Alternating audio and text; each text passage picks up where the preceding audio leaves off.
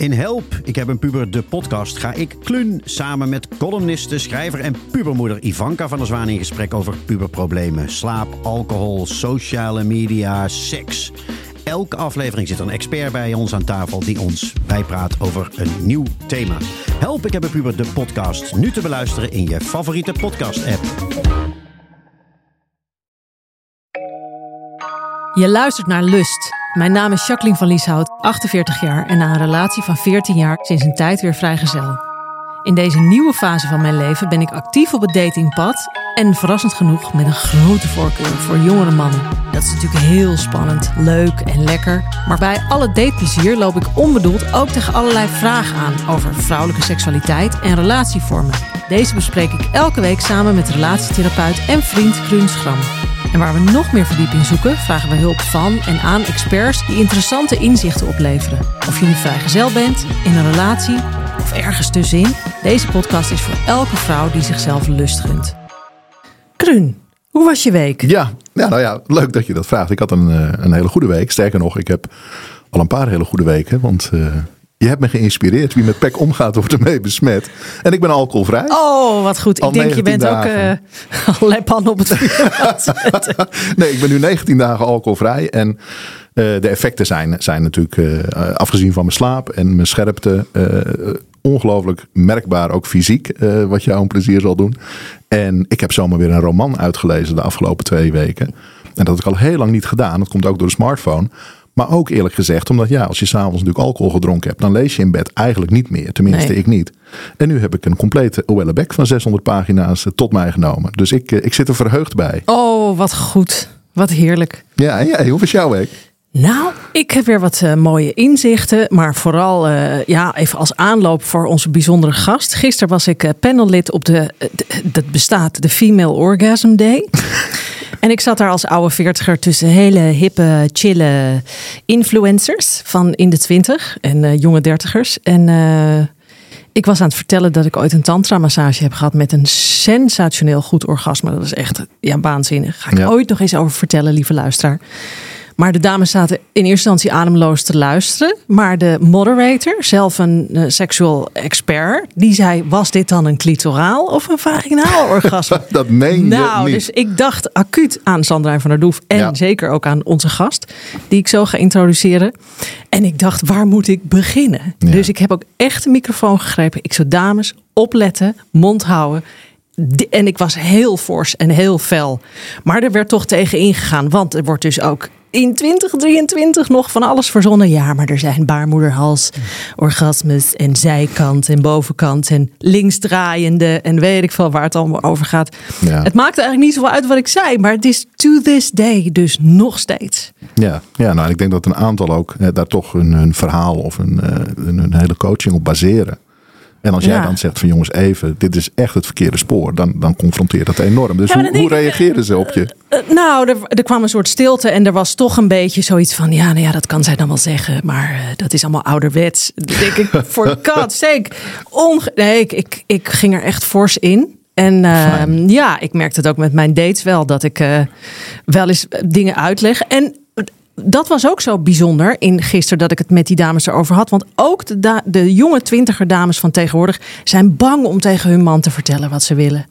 En ja. ik dacht, naïef, dat is voorbij met de nieuwe generaties. Maar ja. dat is dus niet zo. Ja, maar wanneer moet ik dat dan zeggen? Moet ik dat dan zeggen als hij net een erectie heeft? Dat is zo lullig voor hem. Ik denk, god. Ja, nee, maar dat is iets wat, wat, wat me zo opvalt. Er is nog zo verschrikkelijk veel kennisachterstand. Ja. Uh, en er is nog zoveel te leren, op te leiden. Dus waar we allemaal tekortschieten in de Ja. seksuele voorlichting en op scholen, ik weet het niet. Maar er is echt een enorme berg werk te verzetten. Ja. Gelukkig hebben we een gast die daar, Ja. die daar veel van weet. Ja, nee, ik wil nog één dingetje vertellen, want dat is wel heel leuk. We kregen een, een goodie bag met allemaal hele leuke spulletjes. Maar ook een kettingje in de vorm van dus de clitoris met de armen daaronder. Hè? Dames en heren, daar zit, het clitoris is een fors orgaan. Daar kan een erectie nog een puntje aan zuigen. Letterlijk en figuurlijk. Oh ja, maar dus ik zei tegen mijn dochter van die ga ik natuurlijk omdoen. Uh, zegt ze, nou dat kan niet, je kan niet op straat met die ket. Dat is maar een heel klein kettingje. Maar toen zei ik liever, denk je dat er iemand is die weet wat dit is? Oh, dan zegt ze, daar heb je natuurlijk een punt.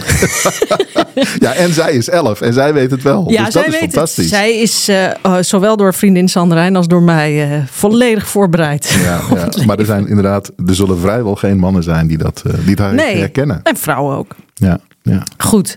Nou, onze gast, heel bijzonder. Rick van Lunsen, arts, seksoloog van de NVVS, Nederlandse Vereniging van Seksologie. Tot 2017 was hij werkzaam als hoofd van de multidisciplinaire afdeling seksologie en psychosomatische gynaecologie van het AMC. Hij verzorgt onderwijs aan zowel geneeskunde als psychologie-studenten, ook als aan gynaecologen, psychiaters en huisartsen in opleiding. Als basisarts bekwaamde hij zich in de seksologie door onder meer assistentschappen in de psychiatrie, gynaecologie en een aantal trainingen gericht op psychotherapeutische vaardigheden. Ja, hij promoveerde in 1986 op een medisch, psychologisch, onderwijskundig onderzoek over de belevingsaspecten van gynaecologisch onderzoek. Een mond vol, maar het is zo nodig dit. In Groningen is hij een van de grondleggers geweest van de moderne Nederlandse seksologische hulpverlening en initiator van het eerste structurele onderwijs seksologie binnen het medisch curriculum. Hij bekleedde veel functies binnen wetenschappelijke en beroepsverenigingen. En samen met andere baanbrekende seksologe Ellen Laan schreef hij de boeken Seks en het recent verschenen De Waarheid over Seks. Plezier en gendergelijkheid op planeet Aarde. Nou, dat is nogal een introductie, Rick. Ik ben blij dat je er bent. Ik, ik, ben daar helemaal door. Je denkt, gaat dit over mij? ja, zoiets. Ja. Hoe, hoe is dat nou voor jou om met die deur maar in huis te vallen? Van dat de twintigers dat soort dingen zeggen? Is het een clitoraal of vaginaal orgasme? Nou, eh, eh, aan de ene kant is dat verbazingwekkend. Aan de andere kant is het ook logisch. Na duizenden jaren indoctrinatie door het patriarchaat en het eh, typisch mannelijke script van seksualiteit, waar vrouwen eh, in de loop der eeuwen eh, elke keer in zijn gaan geloven. Ja. Hij vertelt hoe het is. Ja, en hoe het moet. En hoe het moet. En er is maar één manier van seks en dat is pif. Ja, Eh, penis in vagina. en er gebeurt iets vreselijks. Als hij niet krijgt wat hij, wat hij nodig heeft, dan komt de stoom uit zijn oren Ja. en dan eh, gebeuren er ongelukken. En uit- uiteindelijk is het allemaal terug te voeren op één ding, namelijk dat mannen er in de loop van de geschiedenis in geslaagd zijn om een heel klein verschil tussen mannen en vrouwen, namelijk het enige echte biologische verschil tussen mannen en vrouwen, kracht en dus macht, om dat uit te gaan muiten. Ja, Eh, en vrouwelijke seksualiteit is altijd gezien als gevaarlijk. En het Adam en Eva verhaal Ja. heeft dat nog eens een keer versterkt. fysieke kracht heb je het over. Eh, eh, Ja, alleen ja. fysieke kracht, ja. En dat biologisch krachtsverschil zijn mannen gaan uitbuiten, min of meer noodgedwongen, vanuit, vanaf het moment dat ze zelf onderling rivaliteit kregen. Eh, jager, eh, verzamelaars die trokken rond en in egalitaire sa- samenlevingen. Eh, maar op een gegeven moment ging, ging men zich vestigen in dorpen. En in een dorp gaat het er al heel snel over wie is de baas. Ja, Nou, daar kwam de kracht. En toen kwam de uitvinding van de landbouw er nog een keer bij. Die mannen die waren wat sterker en die gingen de, de ploeg eh, hanteren. Eh, en vrouwen werden dus in andere rollen gedrongen. En dat biologisch krachtverschil, wat hoogstens 10% is, werd steeds groter. Ja. Want vrouwen die, die deden de lichte arbeid en mannen de zware arbeid. Die werden sterker en de vrouwen werden zwakker. ja, Kijk maar naar sportprestaties. Als je de sportprestaties van vrouwen van 100 jaar geleden vergelijkt met die van nu. 100 jaar geleden waren de records tussen mannen en vrouwen 50% verschillend. En nu nog maar 10%. Dus vrouwen zijn het eindelijk aan het inhalen. ja. Maar ja, dat patriarchaat, dat, dat is nog steeds aan het tegenwerken. ja. Want het dreigt op dit moment in Noord-Europa dat vrouwen misschien wel eens net zo machtig zouden kunnen worden als mannen. Ja. Ja, ik merk aan, eh, aan, aan de. Ik ben natuurlijk hef, hef, nou, heftig, maar actief aan het daten. Ik merk dat de mannen er gelijk enorm door geïntrigeerd zijn, door kracht. maar ook door geïntimideerd. Ja. Het wisselt zich een beetje af. Ja. Nou, en je ziet daar natuurlijk op dit moment wel wat rare stuiptrekkingen voor. Hè? Jongens van 18 die zich aan het opblazen zijn in, de- in Ja. de sportschool. Ja. En meiden die bij de cosmetisch chirurg hun vrouwelijkheid aan het uitvergroten zijn. Ja. Denken ze. Ja, Ja. ja. Eh, ja, ik denk dat dat de laatste spartelingen zijn van de oude situatie waarin er geen gendergelijkheid was. Genders zijn niet gelijk omdat mensen niet gelijk zijn, maar gendergelijkheid is wat anders dan hetzelfde zijn. ja. Hè, dat is een evenwichtige verdeling van verantwoordelijkheden en eh, rechten en machten. Maar ik, jij zegt geeft aan van de kracht is daar een belangrijke factor in. Maar eh, ik meen me uit jouw boek te herinneren. Eh, ook de positieve seksualiteitsbeleving van jongetjes. Omdat ze nu eenmaal die, die, die piemel hebben Ja, die ze nee, aandient. dus, en zeker. waar, waar plezier is om, Ja. om aan te zitten. Ja. Terwijl meisjes dat hele stuk Ja. eh, veel later moeten, moeten, moeten Maar, ontdekken. maar eigenlijk kun je zeggen dat is een uiting van, het, van hetzelfde. De, eh, mannelijke seksualiteit werd getolereerd. Er moest ook wel gereguleerd worden. En vrouwelijke seksualiteit werd vanaf de babyleeftijd ontkend. ja. Eh, een Doe jongetje- maar niet. Ja. Ja. Doe maar de rok Ah, ah. over de knieën. a- afblijven. Ja. Ja. Ja, Kijk, de jongens kregen ook wel boodschappen als handjes boven de dekens. Maar het werd toch ook wel getolereerd en ook wel leuk gevonden als een jongetje met zijn piemel speelde. Ja, schattig hè? Ja. Ja. ja. Ja. Oh. Zo zijn jongetjes nou ja, eenmaal. Ja, kijk hem nou. Ja. nou ja, mijn ouders zijn uit 35 en heel Calvinistisch. Dus die, eh, hadden daar, die konden daar niks mee. Nee, en misschien is dat ook wel de belangrijkste reden waarom ik er eigenlijk al in een vrij vroeg stadium anders tegenaan ben gaan kijken. Omdat ik eigenlijk één boodschap van mijn ouders heb onthouden. Eh, allebei geboren in 1920, een relatie gekregen in 1939, verloofd. En toen door de oorlogsomstandigheden elkaar vijf jaar niet gezien. Oh jeetje. Kijk, En toen was de oorlog afgelopen en toen zeiden ze: ja, bekijk het even met dat verbod van geen seks voor het huwelijk. Wij gaan samen. en toen kwam jij. En niet zo lang daarna kwam ik. Ja, ja, ik ben een oude lul. Ik ben nog een echte boomer. Heerlijk. Ja. Nou, ik hou ervan. Seksuele mythes. Waar willen we het over hebben, Kruun? Er zijn er vele. Er zijn er vele. Ja, wat is de belangrijkste seksuele mythe, eh, Rick, wat jou betreft? ja, ik weet niet of er een belangrijkste seksuele mythe is, De maar grootste of de, de hardnekkigste of de, de meest eh, beperkende? Eigenlijk komt het erop neer dat het een mythe is dat mannen en vrouwen niet dezelfde seksuele capaciteiten hebben. Eh, want al die mythes gaan, er, gaan erover van mannen hebben meer zin, eh, mannen zijn sneller opgewonden, mannen komen makkelijker klaar. En dat is allemaal het gevolg van het feit dat er meer aan hun voorwaarden voor seksueel plezier wordt voldaan dan aan die van vrouwen. Dan heb ik nog een vraag. Eh, seksuele capaciteiten. Eh, hoort daar ook seksuele interesse bij? Ja, Want er wordt ook geloofd, aangenomen, dat mannen verschillende partners willen. Dat mannen altijd vreemd gaan. Dat mannen er meer willen. Hè? Die willen polyamoreus zijn, maar vrouwen niet. Eh, ik denk dat er mensen zijn die poly- polyamoreus Ja, ja. willen zijn.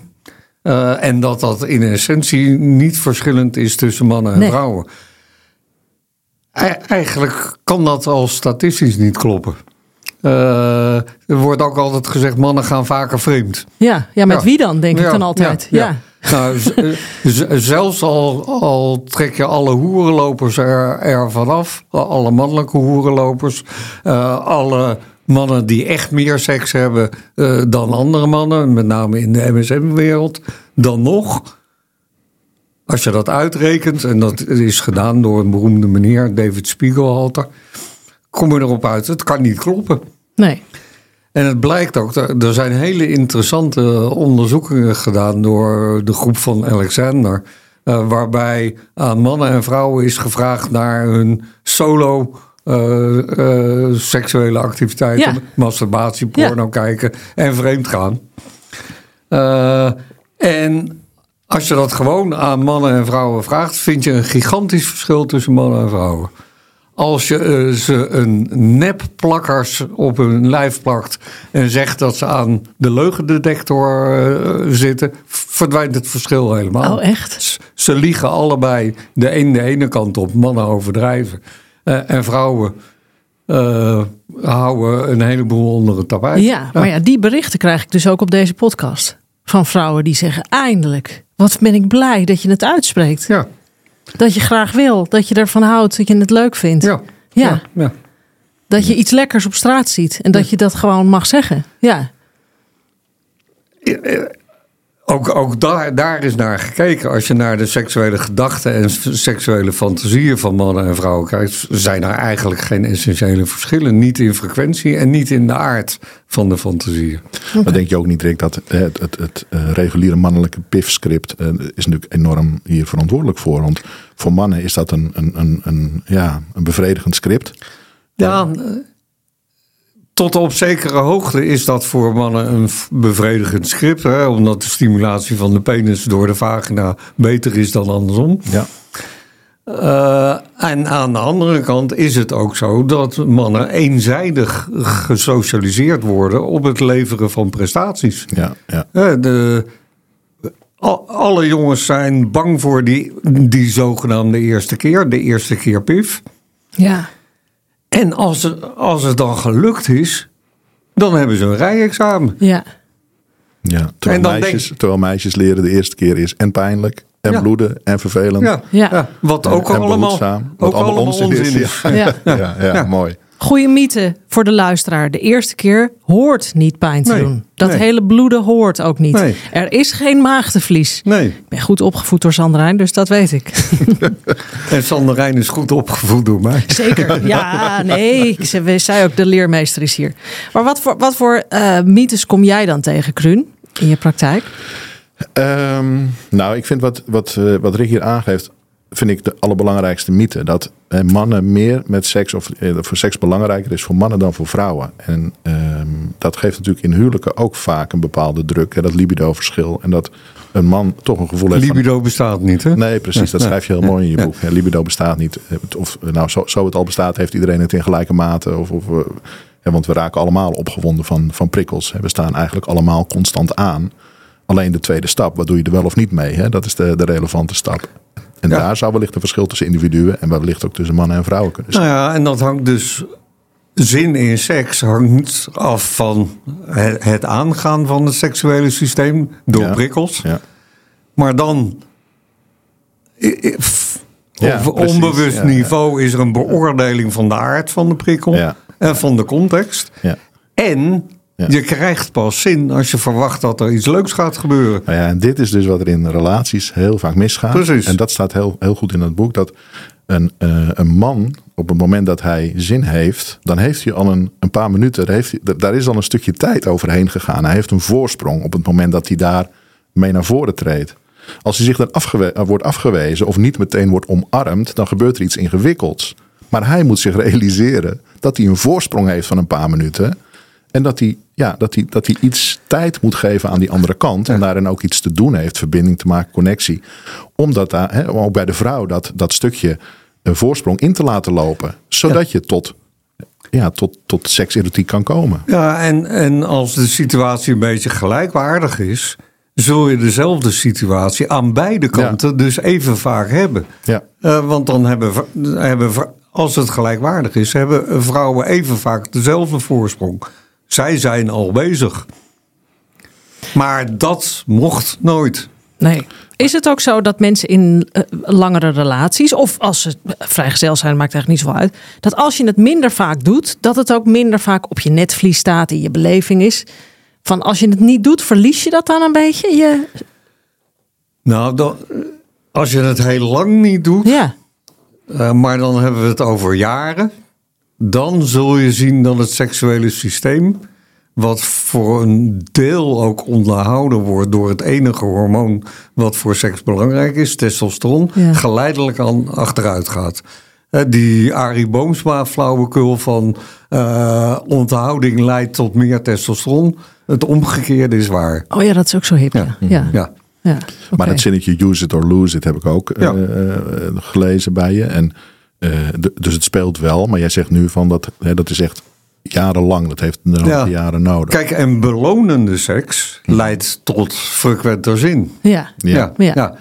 Ja. En niet belonende seks leidt tot verdwijnen van zin. Nee, maar is, is dat dan wat je, eh, en dan kijk ik ook jou aan, Kruun, van wat je eigenlijk kunt zien, wat, wat je heel veel hoort. Hè? Ik weet niet of je dat zo kunt schalen dat het voor iedereen zo is, maar dat heel veel vrouwen zeggen, ja, ik heb steeds minder zin. ik hoor dat van mijn leeftijd. Ja, natuurlijk. Maar dat heeft dus te maken met het feit dat ze niet de seks krijgen die ze Ja. willen. Ja. Ja. En daar dus ook niet over durven te praten. Ik zou het eigenlijk zo willen. Of zelfs nooit de kans hebben gehad om te ontdekken wat ze willen. Nou, of niet genomen. Nou ja, maar daar, daar zie je dus de enorme achterstand van vrouwen. Die hebben veel minder dan jongens hun eigen lijf leren kennen. Ja. En hebben minder geëxperimenteerd met de dingen die ze zouden willen. Ja. Dat is ook wat je natuurlijk in seksuologie of eh, als je daarmee bezig gaat, ziet. Dat ze altijd zeggen tegen vrouwen: ga nou eerst eens zelf ontdekken. Ga nou eens met je eigen Ja. lichaam aan de slag. Ontdek nou een keer wat je leuk, fijn, lekker vindt. Omdat hè, jij kijkt van nou, ik weet het intussen wel, maar heel veel vrouwen. Nee, ik begrijp dit wel. Want ik, ik vond, eh, ik klom altijd in de touwen als heel klein kind al. Ja, Ja, dat da- deed ik. Maar was ik echt vijf of zo. ja nou, maar, Tot maar- orgasmes aan toe, weet Ja, ik. Ja. al- alle- alleen dat beleef je nog niet als seksueel. nee, nee. Nee, ik maar daarmee, daarmee leer je wel wat je lekkere plekje is. Ja. Maar als je tegelijkertijd de boodschap hebt gekregen dat dat plekje een verboden gebied Ja. is, dan raak je het dus weer kwijt. ja, die heb ik meer impliciet gekregen. Maar ik weet dat ik bijvoorbeeld eh, pas ging masturberen. Was ik echt jong in de twintig. Dus Ja, dat maar- is gek. Ik ben het in mijn puberteit kwijtgeraakt. Ja, maar dat we- werd ook onder het tapijt geveegd. Nog in 1980 had van de jonge vrouwen van 18 jaar 85% nog nooit gemasturbeerd. Is het bizar? 85 procent. Tien jaar later, alleen doordat het in de meidenbladen stond, Ja. Was het 85% wel. Oh, Oh, dus dat is wel een enorme stap. Ja, maar dat is nog maar heel recent dat vrouwen begonnen zijn met hun eigen lijf te ontdekken. Het was in de jaren zeventig dat eh, vrouwen voor het eerst het aandurfden om met, hun spie- met een spiegeltje naar hun eigen ge- geslachtsdeel te kijken. Anja Meulenbelt noemde dat nog de witte vlek op het vrouwenlichaam. Op de kaart van het vrouwenlichaam. Ja. Eh, Dus die zogenaamde seksuele revolutie van de jaren 60, ja, dat maakte seks toegankelijk voor mannen. Maar vrouwen moesten nog beginnen met te ontdekken wat hun eigen seksualiteit was. Ja. En wat ze eigenlijk zelf zouden willen. Ja. En we zitten nu in een periode waarin dat ei- eindelijk begint te gebeuren. Nou, Ja. Jij bent er een voorbeeld van. Ja. Ja. Maar ik, ik eh, want nog even terugkomend op jouw vraag, Jacques. Ik zeg in mijn praktijk best vaak, hè, als een man zegt van ja, zij heeft nooit zin. Of ze heeft eh, geen zin in seks. Dan zeg ik vaak van nou, daar heb jij, kun jij heel veel aan doen. Hè, of die sleutels liggen heel sterk bij jou. maar ben ik dan daar ook niet te sterk in? Hè? Want eigenlijk eh, zou een vrouw daar ook ja, Ja. uitgedaagd moeten zijn om, om, om haar eigen seksualiteit, haar eigen autonomie daarin veel meer te pakken. En We- boodschappen over uit te gaan zetten. Weet je wat ik in die situatie zeg als ik een goed contact heb met mensen? Nou, dan vraag ik aan haar, waar heb je wel zin in? dan, dan komt er altijd een antwoord in termen van meer tijd met elkaar, het leuker hebben met elkaar, Leuke dingen doen. meer aandacht voor, voor mezelf, enzovoort, enzovoort. Dus, en dan zeg ik van, oké, er is dus een verschil in verlangen. Ja. Het- Misschien is het probleem wel evenzeer dat er weinig gebeurt waar zij zin in heeft. En als het gaat over zin in seks, ja, dat kan ik, dat kan ik je niet geven. En dan vraag ik aan haar: zou jij een probleem hebben als hij geen zin in, in, in seks zou hebben? Of zou jij een probleem hebben Oh, als, hij er vraag. niet, als hij er niet was? Nou, als hij er niet was, had ik geen probleem, zeg. Maar even, want nu zet je me toch aan. Hè? Dan zeg jij van ja, dan krijg ik altijd het antwoord van meer tijd voor elkaar eh, en meer plezier. En dus dat gaat heel erg over dat stuk van, van, eh, van 's ochtends tot, tot 's avonds eventueel. Hè, van heb je het leuk met elkaar? Is er verbinding? Is Nou ja, connectie maar- aan het ontstaan? Maar, maar misschien is dat dus wel haar voorwaarde om u überhaupt ooit zin in seks te Nee, kunnen dat, krijgen. dat ben ik helemaal met je eens. Maar als dat leidt tot de gedachte van... oké, dus als ik maar de hele dag leuk ben... dan kan ik s'avonds piffen. Dan zijn Ja, er nog steeds nee. niks opgeschoten. Dan is de vrouwelijke seksualiteit nog steeds... Nee, dus, eh, dus spreek ik met hun een verbod op pif af. Oké, ja. ja, dat vind ik ook een hele goeie. Ja. Even tussendoor voor de luisteraar. PIV, PIF is penis in vagina seks. Voor ons intussen een vertrouwd begrip. Ja. Voor en hopelijk ja. voor alle luisteraars Eh, intussen ook. eh, leuk dat jullie dat hebben overgenomen. Tuurlijk, we hebben zoveel over. We hebben zoveel gepikt, Rick. Maar met Ja. trots, hè? En met, eh, met eh, altijd, we noemen de bron. Ehm, wat ik me nog afvraag. Ik ben natuurlijk veel mythevrij door de, de, hè, de, de opvoeding door de seksologen in mijn leven. Maar ehm, is er een verschil in hoe lang het duurt voordat een vrouw. Of is dat ook weer een mensenverhaal? Er wordt wel eens gezegd: bij een vrouw duurt opwinding langer. Is vooral mentaal, is een ander proces, gaat op een andere manier. En de man is gewoon: ik zie een plaatje. Oh, geil. Nou, ik heb een erectie, ik ben er klaar voor.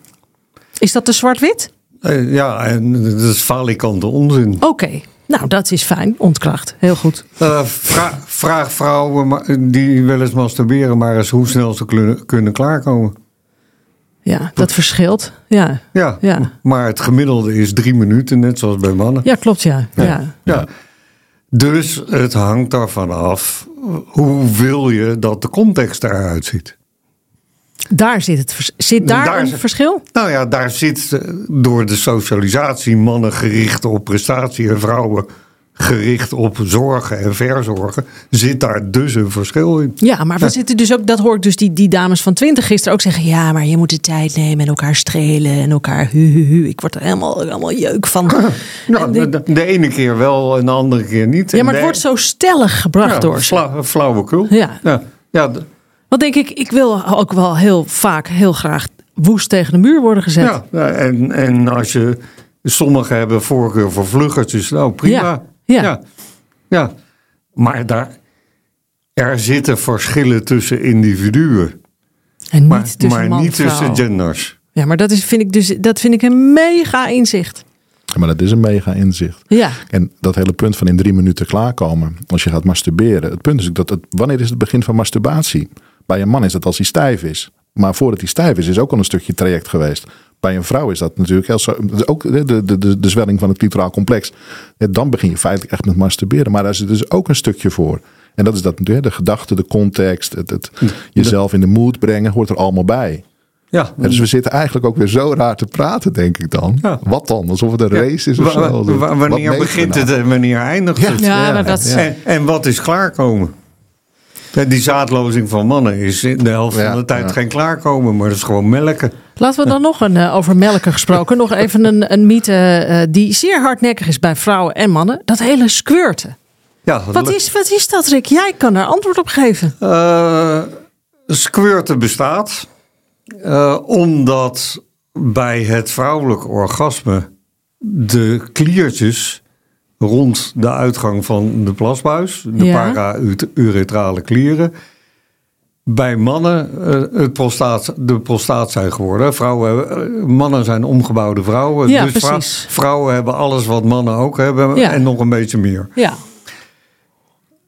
En net zoals bij de man komt er vocht uit die kliertjes die bij de vrouw veel kleiner zijn. Maar dat is op zijn hoogst, en dat is al heel veel, 3 à 4 milliliter. En dat zijn dus geen fonteinen. Vrouwen ejaculeren iets van dat vocht bij het orgasme. En de- Altijd. Altijd. Ja. Ehm, en, en bij de ene vrouw is dat wat meer dan bij de ander. Maar als je tegelijkertijd de achterwand of eh, de, de voorwand van de vagina stimuleert, stimuleer je daar de clitoris, maar daartussenin zit de overgang tussen de plasbuis en de blaas. Ja. En als je dat ook stimuleert, stimuleer je de blaas tot contracties. En squirten is dus hè, de- eh, meer dan 3 milliliter vocht afscheiden, is het tegelijkertijd door het orgasme, produceren van ejaculaat plus urine. Ja. En dat is. Dat ziet er niet uit als urine, want tijdens seksuele activiteit werkt de nier anders en is de urine veel dunner. En het is bijgem- eh, eh, er is een bijmengsel van dat prostaatvocht. En daar komt ook meteen slijm eh, uit de vagina naar buiten. Dus die drie dingen bij elkaar. Het ziet er niet uit als urine, het ruikt niet als urine en het smaakt niet als urine. Dus zegt men, het is geen urine. Nee, maar het komt gewoon uit de blaas. Maar- Voornamelijk. Als ik je zo Maar als, als het meer dan drie, hè, dan een paar druppels is, komt het voor het grootste deel uit de blaas. Oh. Maar, maar ik even, even voor mij, want eh, ik bedoel, ik, ik heb in mijn leven natuurlijk squirtende vrouwen meegemaakt. Ja. Ik ben 55, dan mag dat. 56 intussen. Ehm, dat, dat vond ik een opvallende bevinding. Dat jij zegt van ja nee, de urine is echt dunner. Dus heel snel gaan de nieren dan meer water Ja. kennelijk toevoegen. En dat is dan al Ja. ook ineens in de blaas. Dus, Ja. dus in een vrijpartij van 10, 15 minuten verandert er al zoveel. Dat die, dat die anders gewoon urineachtige urine al waterig geworden is. Ja. Ja. En, en heel veel, als je plast na de seks, kijk maar eens, is het altijd waterig. Oké. Nou ja, ik plas altijd na de seks, Ja. want dat schijnt belangrijk te zijn. Nee, maar, eh, dat is helemaal niet belangrijk. Je, Oh. moet, je moet gewoon plassen, want, eh, want die blaas die ja, is actief. Ik moet ook altijd pla- Ik squirt nooit Ja, namelijk. nee. Maar het is, het is Als micro, je, micro, als, als je iets microbacterieel. eerder plast, dan scheurt. Oh, oké. Maar microbacterieel is het, is, zeggen ze ook wel dat het handig is om Voor even te plassen na de blaasontsteking. seks. Ja, ja, dat is ook, ook zo'n medisch fabeltje. Al die jonge meiden met urineinfecties na de seks. Dat komt door pif zonder voldoende opwinding. Want als dat hele clitoraal complex op aanstaat, is de vagina want twee keer zo dik als normaal. En ook de wand van de plasbuis. Ah. En als dat niet zo is, raakt die wand van de plasbuis geïrriteerd. En is dan bevattelijk Ja. voor de toegang eh, van, bacteriën. Ja, plus misschien ook eh, tegenwoordig ook meer anale seks. Dat, dat, dat daar ook eh, een stukje Ja, contaminatie op. Dat kan. Ja. Maar ook daar ben je redelijk tegen beschermd als je goed opgewonden bent. Hey, maar ik, ik zit ineens... Want wij mannen kunnen niet plassen als we een erectie hebben. Echt een harde erectie. Ja. Tenminste, heel moeilijk. Ja. ja, maar dan zouden wij anders wellicht ook squirten. Want, want kennelijk, die erectie die klemt de plasbuis af. Ja, nee, maar Jacques... Oh, dat nog. Nee, maar Een weet je, dat- Ja. man. Nee, maar dat is toch weer wat. Weet je? Dus het verschil is veel kleiner. Alleen die plasbuis van ons is zo afgekneld. ja en, die, Het blijft gewoon binnen. en die is drie keer zo lang. Dat ook nog. Ja, Ja, ja, ja, ja, ja. Dus, Dus geen, weer een eh, mythe opgedoekt. Geen, Jacques. geen squirt. eh, ja. Ja, Wat nee, fijn. ja, daar wordt veel. eh, daar, daar, hebben we. Oh, zeker mannen vinden Ja. dat eh, eindeloos uh, spannend. Ja, ook te- tegen mij is ook wel gezegd: ik zorg wel dat jij squirt.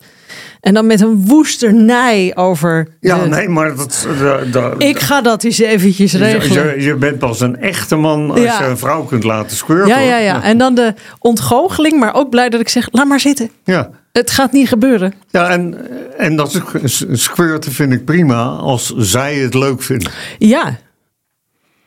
Ja.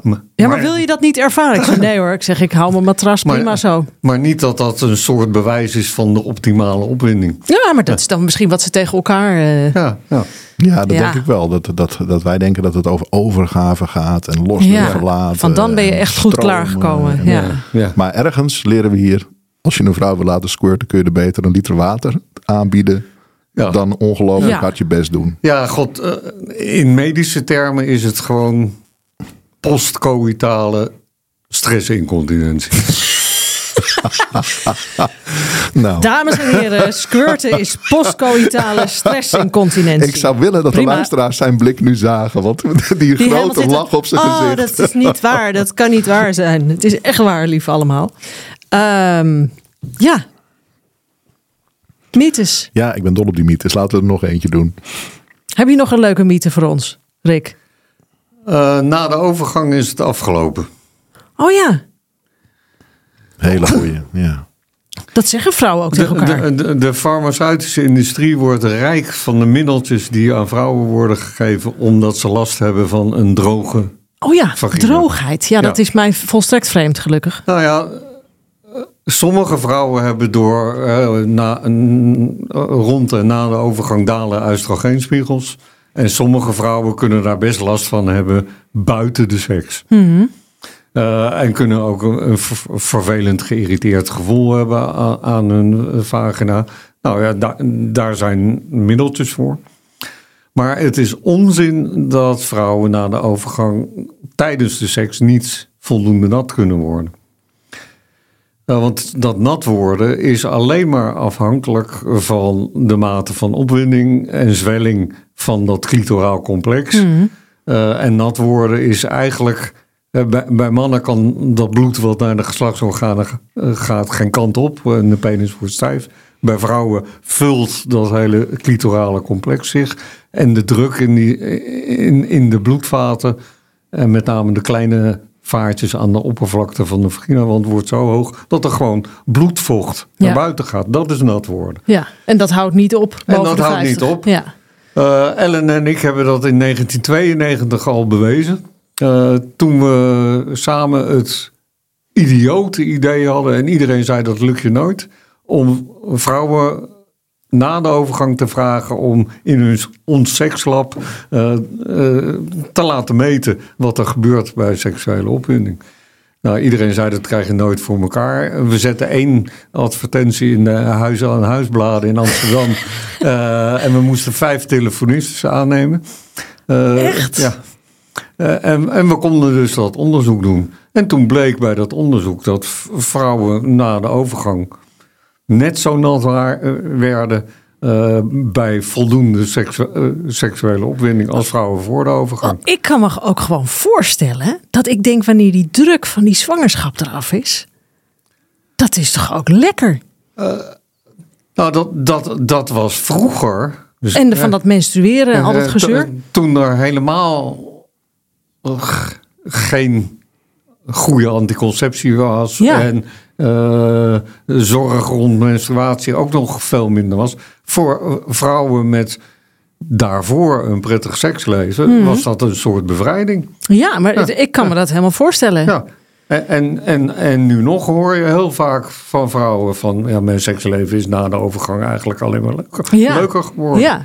Maar dat lukt je alleen maar als je voorgeschiedenis plezierig is. Ja. Kijk, oudere mensen stoppen alleen maar met seks om een paar redenen. Omdat er geen toegang is meer tot, tot seks, omdat er geen partner eh, Ja. is. Eh, als er medisch van alles aan de hand is, waardoor het onmogelijk wordt. Ja. Of bij een belabberde seksuele voorgeschiedenis. Ja.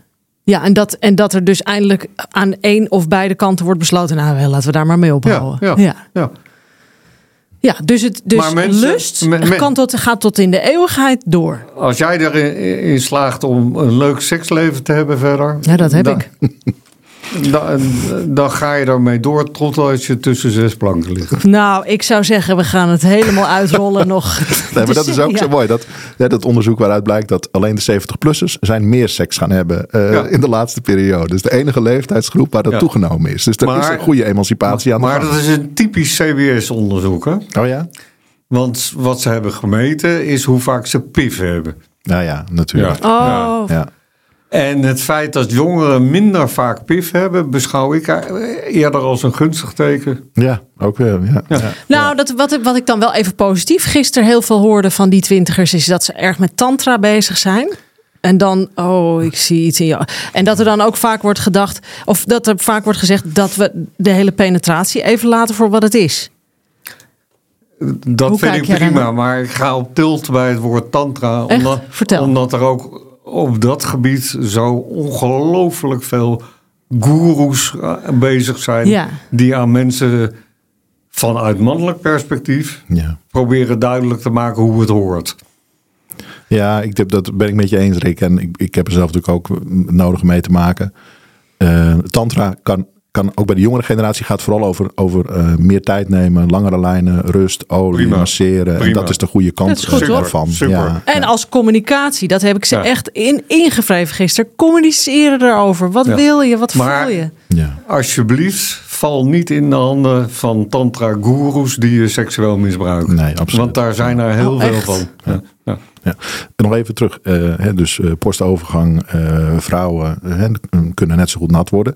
Dat zie ik ook veel in mijn praktijk. eh, mannen van voorbij de 50 dat toch de erectie eh, eh, ja, wat meer gedoe geeft. Maar hè, dat is dat, onzin, hè, ook dat, hè, lieve luisteraars, Ja, zegt- heeft ook gewoon meer tijd nodig, meer aandacht. bij- dat is geen enkel verschil in, die- in dat opzicht. Onderzoek wat wij samen met Erik Jansen, ho- hoogleraar in Leuven en uit de groep, dezelfde groep van, van Ellen, leerlingen. We gaan hem lezen.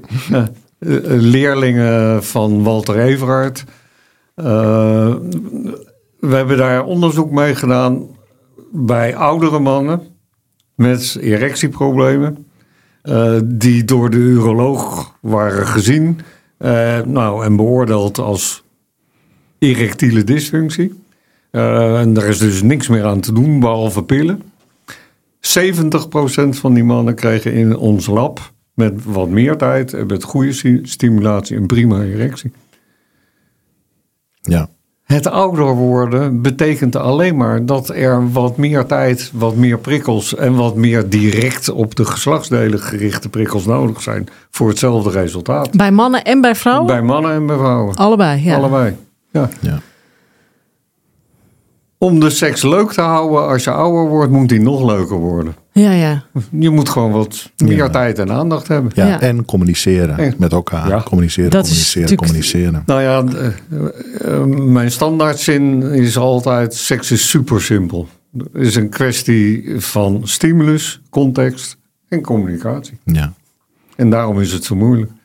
Want er zijn geen twee mensen die ooit op hetzelfde moment precies hetzelfde willen en weten wat de ander wil. Is dat ook waarom het in een langdurige relatie... Dus natuurlijk, is dat dan eigenlijk ook een resultaat van het patriarchaat? Het feit dat we allemaal geloven dat we 60 jaar eh, happy de peppy met één partner moeten zijn?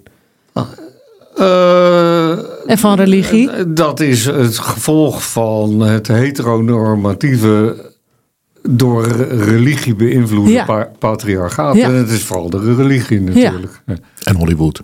En Hollywood, ja. Ja. Wat niet wil zeggen dat er niet ook mensen zijn die heel lang een fantastische relatie en, en leuke seks met één en dezelfde partner kunnen hebben. Maar het is geen must. Nee, maar velen geloven dat toch wel. Van, van je moet het toch wel eh, je leven lang... Ja, maar niet als je niet ook daarvoor al geëxperimenteerd bent, hebt. Kijk, ik denk dat de enige mensen die uiteindelijk tevreden zijn in een langdurige relatie zijn, de mensen zijn die al spelenderwijs en door experimenteren hebben ontdekt wat hun voorwaarden zijn voor relatie en plezierige seks. Maar is het eigenlijk niet gek dat we... en Misschien zeg ik iets heel raars hoor, maar dat zal je me ongetwijfeld corrigeren. Dat we het in vriendschappen wel tolereren. Dat we meerdere vrienden hebben. Maar binnen een relatie, dat je ook seks met iemand anders zou willen hebben. Is dat dan die programmering? Of is, het- is dat nature nurture? Wat is het? Het is beide een beetje. Kijk, als je het puur biologisch bekijkt, zitten wij in tussen de orang-oetangs, die vol, vol- eh, volstrekt mo- mono- monogaam zijn, En de en, de, en de bonobo's, die het op elk moment met alles en iedereen op elke manier doen. Ja. En eigenlijk alleen maar voor het plezier. Eh, en voortplanting is een bijproduct van, van plezier. Nou, we zitten daar ergens tussenin. Nou, kies maar wat je wil. Ja, oké. Ja. Het andere stuk, eh, om nog even terug te komen, dat is dat we, eh, we nemen heel erg die, die vrijpartij uit onze verliefde fase mee als een soort baken. Van zo moet het zijn, Ja. zo moet het blijven. Hè? En als dat verandert in de loop van de tijd en je communiceert niet, Nou, en dan beland je eigenlijk in de shit. Ja, eh, eh, eh, Ellen zei daar altijd over. eh, verliefdheid is het beste afrodisiacum. Eh, en het verpest het voor de rest van je leven. Want je blijft dat als standaard Als houden. nou ja, maar daar, daar kan je natuurlijk voor kiezen van verliefdheid naar verliefdheid gaan. Ja. Ja. dan heb je nooit langer een relatie dan een half jaar of een jaar. ja. Alleen de meeste mensen missen dan op een gegeven moment een ander aspect van de relatie, namelijk de verbinding. ja. Dat maakt seks ook zo ingewikkeld. Hè? Als je daar, eh, 95% van alle mannen en vrouwen, van alle genders, zegt dat er twee dingen belangrijk zijn aan seks: lust, puur egoïstisch, en, verbinding, puur ane- anhedonisch. Ja. Of eh, ja, hedonistisch. Ja, ik zeg het nou helemaal verkeerd. Nee, maar je boodschap is Ja. duidelijk. Hè? Dus de, de- mensen zeggen van maar de seks is eh, beter als er ook verbinding is. Als er ook verbinding is. Ja. Ja. En die verbinding is er alleen maar als er meer gebeurt dan de seks. En ik denk dat dat zo is. En ik denk dat hier toch ook een sociale component in het antwoord zit. Ja. Hè, want we vinden het ook heel lastig om te zeggen van nee, het gaat mij echt alleen maar om de seks. En vrouwen zeker. Ja, nee, zeker. Maar als je op welk moment er kiest, voor kiest om seks voor de seks te hebben, ja, prima.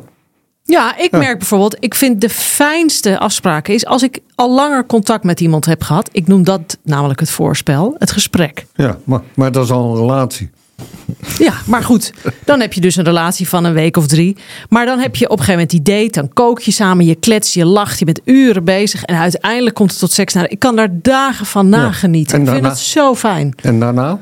Dan is er soms weer een afspraak en soms niet. Ja, nou, nou, En dat is oké. Ja, ja, ja dat, dat lijkt wel zoals het voor de meeste mensen, in ieder geval idealiter in de adolescentie is. Ja. We, we noemen dat seriële monogamie. Ja. Oké. Ja, maar ik merk dus dat vrouwen in mijn omgeving, zeker van mijn leeftijd, zeggen: Ja, maar heb je dan gewoon seks om de seks? Dat is dan toch te ontwrichtend voor ze. Nou, maar, maar als ik jou zo hoor, heb je dan helemaal niet seks eh, om de seks. Nee, want het is lust en verbinding. Ja, precies. Precies wat je Ja, zegt. Ja. Maar Ja. weet je, als we toch propageren dat masturberen goed is. Masturberen is bij uitstek seks om de seks. Ja. Met jezelf namelijk. ja. En dus daar is helemaal niets mis mee ook. Bie zei al, er is eh, maar één voor, voor er, er is nog één belangrijk voordeel van masturberen. En dat is dat je altijd tegelijk klaarkomt. Een kernzin om te onthouden. Heerlijk. Heerlijk. Ja. Nee, mooi. Nou, Ja, ik- heb- zijn er nog dingen waarvan je zegt: Ik wil echt dat de luisteraar dat nog even meeneemt? Eh, Sowieso wil ik iedereen aanraden om je boek te lezen. Ga ik zo meteen nog een keer zeggen. Want hoe belangrijk is het dat twee mensen, jij en Ellen Laan, zo'n belangrijk boek hebben geschreven over de mythes, die er dus nog altijd zijn? Ja, nou, ik denk dat het aller, de allerbelangrijkste boodschap van beide boeken eigenlijk is van kijk goed naar jezelf, eh, ontdek wat je zelf wil eh, en onthoud dat er maar één zinnig doel is van seks en dat is plezier. Ja, Ja, ja. ja. Ja, want dat vind ik het mooie. Je, dat, het eerste boek wat je noemde, Seks, hè, dat heeft als subtitel Een leven lang leren. Hè, en dat is wat ik in mijn praktijk zie. Het is een leven lang leren, een leven lang communiceren. Je verandert als mens, je lichaam verandert, eh, je hebt allerlei levensfases. De omstandigheden veranderen, Omstandigheden de veranderen. partners veranderen. Ja. Maar op een of andere manier is het enorm ingewikkeld om over seks te praten in een relatie. Nou, dat hè, constateren jullie ook en keer op keer. Dat het een ontzettend intiem en moeilijk gesprek is. Het is super persoonlijk, super kwetsbaar. Eh, hè, maar, maar dat is mijn grote uitdaging om, om, om stellen daarover met elkaar in gesprek te krijgen op een goede manier. En, en richt de voorlichting op die voorwaarden voor, voor plezier. Eh, de- ja.